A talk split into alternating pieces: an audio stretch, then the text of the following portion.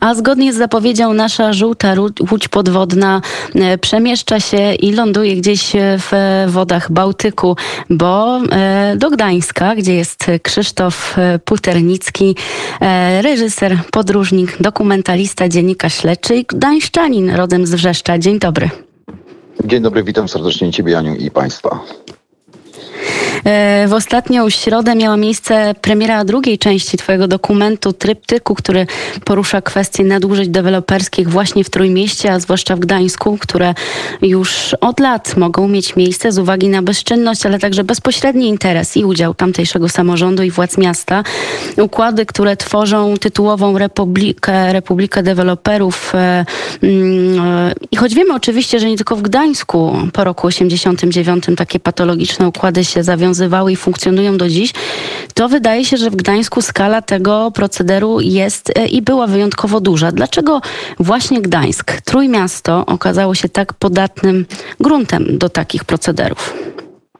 Tak, e, jak słusznie zauważyłaś, Aniu, to jest e, kwestia, która tak naprawdę dotyczy całej Polski, nie tylko Gdańska. trudno jest mi zmierzyć, jak to wygląda gdzie indziej. Ja tutaj pracowałem nad tymi naszymi gdańskimi klimatami, które, y, które są po prostu dla mnie jakby środowiskowo też dosyć dobrze obserwowane od lat. E, nie tylko przeze mnie, ale Y, przez współautora, czyli moją mamę, która jest y, współtwórcą scenariusza do filmu. I to w, no y, tak, Gdańsk jest dosyć specyficznym miejscem, chociażby biorąc pod uwagę jednolitość władzy, która tutaj się e, obrasta w różnego rodzaju koterie i różnego rodzaju układy. To jest taki stwardniały układ, który się trzyma od 89 roku tak naprawdę. E, dosłownie, no, przepraszam, trzy lata później, to jest jakby od momentu, kiedy zaczął panować tutaj e, świętej pamięci Paweł Adamowicz, tak naprawdę Pawła Adamowicza już nie ma z nami. E, został zamordowany, jak wiemy, aczkolwiek tutaj ten układ przez cały czas trwa i, i ta patologia polega na wielu mechanizmach, na takiej bucie już tak naprawdę tych ludzi, którzy coraz mniej się z tym wszystkim kleją, a dysponują wspaniałymi narzędziami, być może na pewnych etapach były nam potrzebne, żeby, żeby sprawniej rozwijać miasta, aczkolwiek dzisiaj e, już no, nie potrzebujemy takich e, historii jak na przykład zamiana gruntów z, deweloperami, które to, to, są operacje, które są bardzo mało transparentne, a powodują właśnie patologii. No, dzisiaj trzeba powrócić do jawnej licytacji gruntów na przykład, a nie, a nie robić, a nie doprowadzać do takiej patologii, jakby chociaż pokazane w filmie zamiana części dziedzictwa e, tutaj naszego mieszkańców, przepiękny park oliwski, z którego jesteśmy dumni. E, e, a na koniec okazuje się, że, że kawałek tego parku jest zamieniony za 20 mieszkań przy wysypisku śmieci. Park Oliwski, ale e, także tereny, które należą do tej historycznej e, części, najstarszej części Gdańska, między innymi Galeria Forum, także temat poruszony w Twoim dokumencie. Dziś e, w Tygodniku w sieci opisuje tę sprawę Marcin Wikło. Tak, no, udało nam się dotrzeć do dokumentów wcześniej niepublikowanych, czyli do części umowy które no, wskazują na wprost, że miasto przystąpiło do partnerstwa y, pry, prywatno-publicznego z deweloperem, z, z zagraniczną firmą. E, w zamian otrzymaliśmy 40 kilka procent y, udziałów, czyli prawie połowę udziałów w tym, w tym centrum. No i model biznesowy jakby uzasadniał, y, uzasadniał po, po części przekazanie kilku hektarów najdroższej działki w Gdańsku, w, dokładnie vis-a-vis bramy wyżynnej. E, I, no, I teoretycznie wszystko ok, gdyby nie fakt, że dotarliśmy do informacji, że, że tak naprawdę my y, tych y, połowy udziałów prawie już nie mamy. Znaczy już ich no, nie mamy fizycznie od listopada tak naprawdę w momencie, kiedy to przekazaliśmy je zgodnie z zapisami, które były skrzętnie ukrywane deweloperowi, a w zamian dostaliśmy mały budyneczek, e, tak zwaną kuźnię wodną i, i, i, to jest jedyna rzecz, z którą miasto tak naprawdę zostaje. W środku mamy sklepy zachodnie sieciówki, e, które tutaj no, nie odprowadzają podatków żadnych, czyli tak naprawdę no, nie ma ani wpływu do budżetu.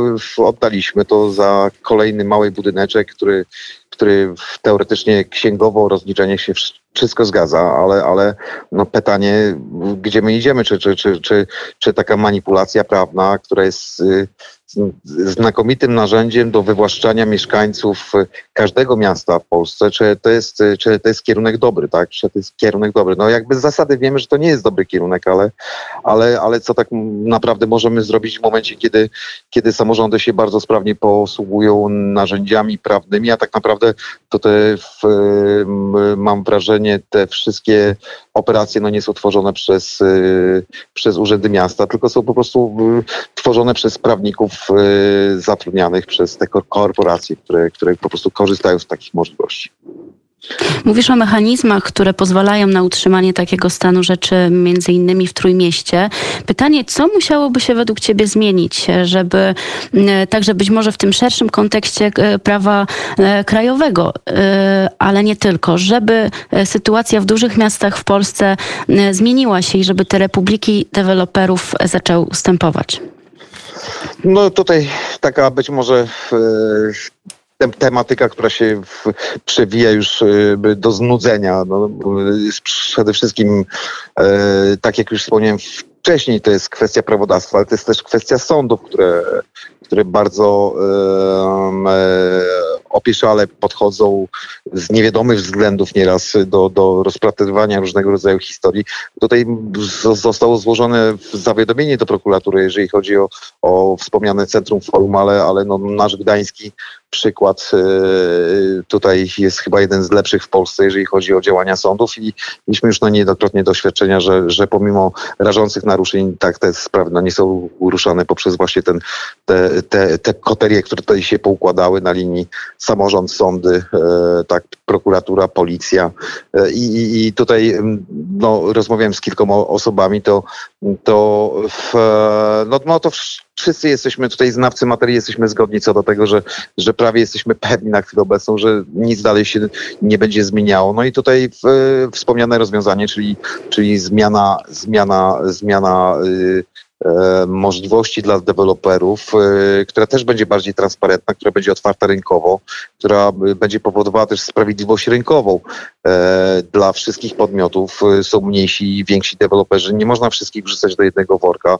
Należy pamiętać o tym, że bez nich też nie będziemy w stanie funkcjonować. Ci deweloperzy są ważni, tylko no, pozostaje kwestia etyki i transparentności wspomnianej, tak? Czyli, czyli urządzajmy licytację, a odchodźmy od mechanizmów, które tak naprawdę no, już dawno temu powinny być zlikwidowane, bo to one powodują te patologie. E, o Republice Deweloperów nie bez e, przyczyny e, powstał tryptyk, dlatego że jest to temat bardzo szeroki, dlatego mm, no właśnie, kiedy kolejna część tryptyku? Tak, pierwsza część tryptyku to była mała Sycylia.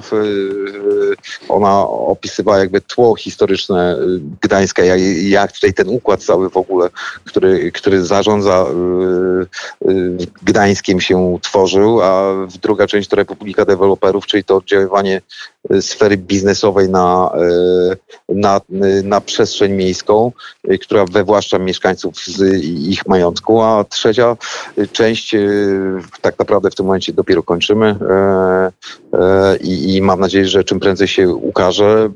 Przypomnę tylko, że druga część była już gotowa 8 miesięcy temu, w związku z czym nad trzecią pracujemy. E, kończymy już teraz pracę i to jest film, który będzie dotykał kwestie zmiany narracji historycznej, która postępuje w Gdańsku i tak naprawdę E, jest jednym z głównych y, przedmiotów działania naszej opozycji na chwilę obecną, bo tutaj jest taki matecznik tej myśli, tak zwanej myśli europejskiej, która ma na celu z, tak naprawdę wypolszczenie, e, wypolszczenie Gdańska, E, to są mechanizmy, które no niestety nam się tutaj w Gdańsku bardzo źle kojarzą, bo się kojarzą z historią naszego miasta wolne, tak, tak zwanego wolnego miasta Gdańska z epoki międzywojennej, e, bo dokładnie taka sama narracja się pojawia i tutaj próbujemy zestawiać e, właśnie te podobieństwa i, i, opowiadać o tym właśnie, jak tutaj się to dzieje przy pomocy różnych narzędzi, chociażby jak Europejskie Centrum Solidarności. O tym będziemy na pewno jeszcze na antenie Radia Wnet mówić, także przy okazji, e, mam nadzieję, trzeciej części tryptyku e, dotyczącego tego, co dzieje się w Gdańsku, ale teraz jeszcze chciałabym krótko iż e, na koniec rzucić okiem na tę sytuację, która mm, ma miejsce w krajowej polityce. Ty jako dziennikarz śledczy obserwujesz sprawy nie tylko związane z Gdańskiem, ale także między innymi z cyberbezpieczeństwem. I oczywiście tutaj Pegasus jest słowem odmienianym przez wszystkie przypadki w ostatnim czasie. Czy uważasz, że powinna powstać Sejmowa Komisja dotycząca tej sprawy? Uważam, e, uważam, że wszelkiego rodzaju w, w używanie tego sprzętu, tego oprogramowania w celu inwigilacji e, kogokolwiek, to jest poza przedmiotem zainteresowania organów ścigania z przyczyn, które wynikają z podejrzenia popełnienia przestępstwa jest karygodne i, i tutaj no nie trzeba szukać odpowiedzi, czy jesteśmy zgodni za tym, żeby to wyeliminować. Oczywiście, że jesteśmy zgodni wszyscy. E, no a tutaj z drugiej strony pojawia się bardzo wiele pytań. E, bo czy tak naprawdę no, z jednej strony nie jest y, to nadużycie, y, które może gdzieś tam skutkować y, jakimiś zmianami politycznymi, tak, wyciąganie obyczajowości przy pomocy tych, tych historii gdzieś działania służb, no to, no, to, są, to są wszystko niepokojące informacje, które do nas docierają, e, ale, ale z drugiej strony się zastanawiam tak naprawdę w którym momencie jest świat, bo wszystkie państwa dysponują dookoła nas tym oprogramowaniem. Ja chciałbym przypomnieć, że to nie jest, e, że ta, ta historia, która jest na chwilę obecną, jest bardzo nietransparentna dalej dla mnie z kilku przyczyn. Pierwsza przyczyna to jest taka, że, że no nie jesteśmy my w stanie zweryfikować tego, tych, tych wszystkich informacji, które się pojawiają.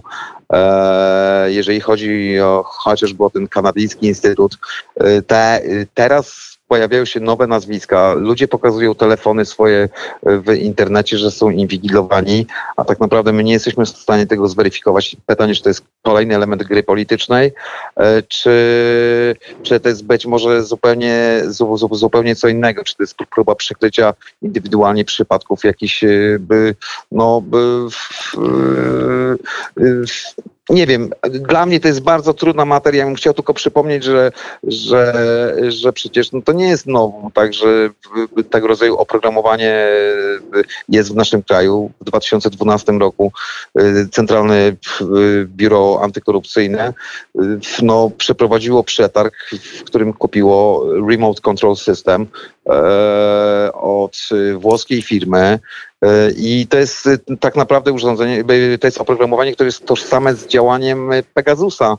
To jest normalnie urządzenie, które się instaluje w telefonie, w czasie rzeczywistym szczytuje, szczytuje dźwięk z wyłączonego telefonu nawet, obraz. I, i, i, i CBA już miało bardzo dawno tego rodzaju narzędzia za poprzedniej władzy, za Platformą Obywatelskiej.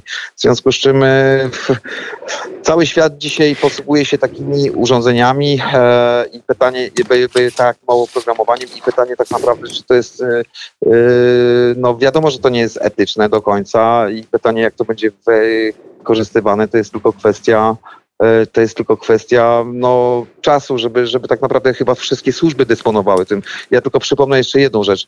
W 2015 roku, na chwilę przed wyborami e, w lipcu, e, to takie mm, oprogramowanie zostało również zaprezentowane policji, która była zainteresowana zakupieniem tego, tego, tego samego produktu włoskiej firmy. Nie tylko oni, ponieważ Agencja Bezpieczeństwa Wewnętrznego i Służba Kontrwywiadu Wojskowego. Więc y, ja jestem pewien, że tego rodzaju urządzenia są y, dostępne w każdym państwie i, w, i, w, i wszystkie kraje się tym posługują i no niestety mam wrażenie, że, że to jest y, oprogramowanie, które wszędzie jest używane przeciwko, przy, przeciwko też jakiejś tam konkurencji politycznej. Dosłownie, Być może. Nie wiem, czy mhm. dzisiaj dzisiaj czy wczoraj weszła informacja o Pegasusie i o inwigilowaniu opozycji i dziennikarzy w Izraelu, tak? To jest dosłownie informacja z, z, z tam z dzisiaj albo z wczoraj, już dokładnie nie pamiętam, dzisiaj o, o tym czytałem. Być może kwestia RCS-u to jest e, też przyczynek do tego, żeby tę sprawę zbadać szerzej, jeżeli mm, faktycznie em, Dokładnie. powstanie na przykład Sejmowa Komisja Śledcza. E, Tutaj stawiamy kropkę. Bardzo dziękuję za rozmowę. Krzysztof Puternicki, podróżnik, dokumentalista, dziennikarz śledczy, był gościem Kuriera w samo południe. Dziękuję serdecznie.